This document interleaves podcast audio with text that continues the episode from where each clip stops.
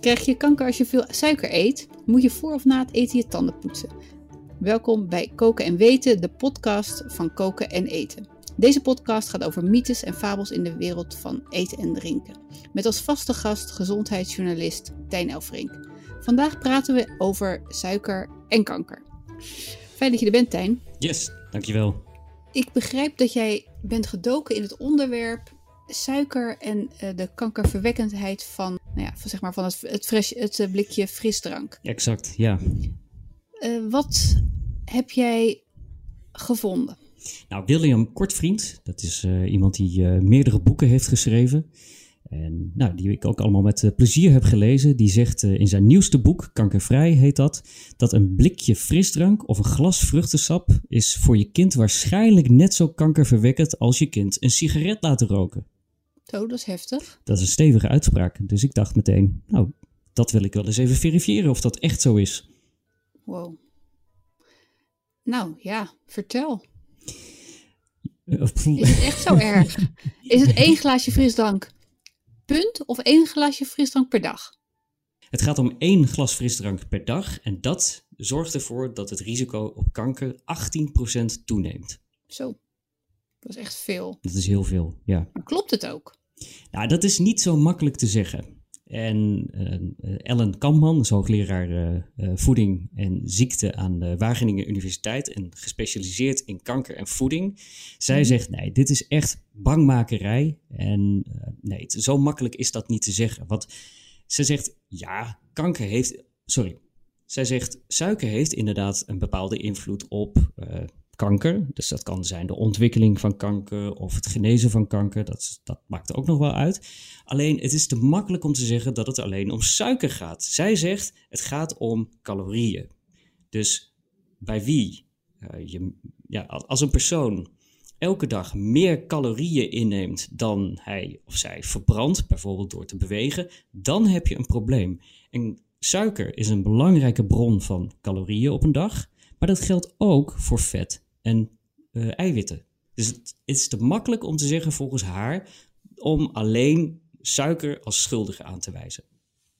Ja, maar als het alleen maar over calorieën gaat, zou je nog kunnen zeggen van ja, maar als je net zoveel uh, goede vetten eet, dus ik noem maar eventjes iets vette vis, hè, gewoon elke dag een, uh, een haring, daar heb ik nog nooit van gehoord dat dat kankerverwekkend zou zijn. Klopt. Dus is wel calorieën, calorieën tellen is, ja, is ook een beetje te makkelijk. Want de ene calorie is de andere niet. De ene calorie wordt door je lichaam minder goed opgenomen. Uh, de andere calorie is gezonder. Dus inderdaad, je moet je niet blind staren op calorieën. Maar over het algemeen kun je zeggen dat iemand die veel meer calorieën op een dag eet en drinkt. dan uh, hij of zij uh, met bewegen verbruikt. Ja, dan uh, zorgt dat er vaak wel voor dat. Um, calorieën, dus bijvoorbeeld suiker of vet, worden opgeslagen als reserve. En ja, daar word je dikker van. Ja, en als je dikker bent, maak je weer meer kans op kanker. Exact. Goed, dus uh, Willem Kortvriend zegt dus suiker is uh, niet goed voor je. Uh, sterker nog, het zou kanker kunnen op, zorgen voor kanker. Ja. Um, er zijn ook mensen die een ketogeen dieet promoten. Volgens mij is hij daar ook wel een voorstander van. daar schrap je zoveel mogelijk koolhydraten en ja. uh, dus ook suikers. Um, hoe staat het met het ketogeen dieet? Is dat uh, goed voor je? Is dat, wat denken de wetenschappers daarover? Koolhydraten kun je onderverdelen in verschillende typen en suiker is uh, een van de types daarvan. En Kortvriend zegt dus ook dat als je minder suiker eet, dat, uh, dat dat beter is tegen kanker, tegen preventie van kanker. En ook als je kanker hebt, dan zou je suiker moeten minderen. En hij is daarom ook voorstander van het zogenoemde ketogeen dieet. En het ketogeen dieet, daarbij schrap je dus alle koolhydraten, dus ook de suikers, helemaal uit je dieet. Nou, helemaal is misschien wat overdreven, maar zo min mogelijk. Maar dat betekent dus ook dat je bijvoorbeeld al geen banaan meer kunt eten, want in een banaan zitten best wel veel koolhydraten. En in die zin, ja, een ketogeen dieet is ook niet even een dieetje dat je zomaar gaat volgen. Het is vrij ingrijpend en het is dus ook best wel moeilijk om vol te houden. Mm.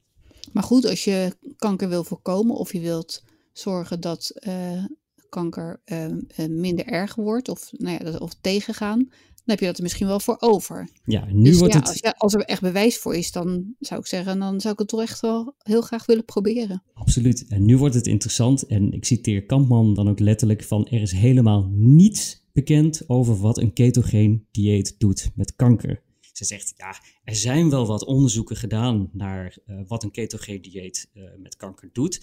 Alleen dat zijn relatief slecht uitgevoerde studies en ook vrij kleine studies. Dus om op basis van die studies te zeggen, um, een ketogeen dieet is effectief bij kanker, dat is echt te kort door de bocht, zegt zij. Hm. Aan de andere kant zegt Kortvriend, ja, ho even, maar dat niet is aangetoond dat het werkt, wil nog niet zeggen dat het niet werkt.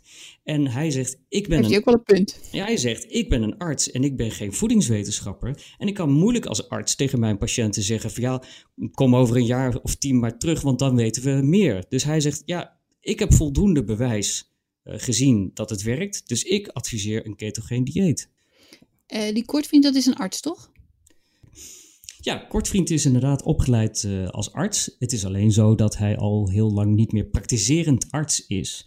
En hij heeft ook met de Inspectie voor de Gezondheidszorg uh, afgesproken, zo zegt hij, dat hij zich daarom medicus noemt. Dus ik heb ook een, uh, een, advocaat gevraagd, gespecialiseerd in dit soort zorgzaken. En zij zegt, ja, dat is toch wel een beetje misleidend. Want hoewel de titel medicus als zodanig niet beschermd is, ja, denkt toch iedereen meteen aan een, het woord dokter of arts. Dus feitelijk zou hij moeten toevoegen NP, niet praktiserend. En doet hij dat niet, dat, dat doet hij dus niet, dan zegt zij dat is in een bepaalde context onrechtmatig. Want je zou je lezer, van dit boek bijvoorbeeld, of de verstaande, immers op een verkeerd been kunnen zetten.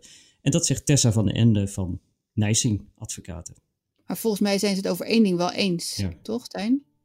Ze zijn het over één ding eens en dat is heel duidelijk van uh, uh, een gezonde leefstijl is voor echt alles en iedereen goed. Voor de preventie van kanker en zowel op het moment dat je kanker hebt of om te voorkomen dat je weer kanker krijgt. En een gezonde leefstijl is dus nou, niet te veel calorieën. Dus daar gaat het nog niet eens zozeer om waar komen die calorieën vandaan, bijvoorbeeld uit suiker of vet.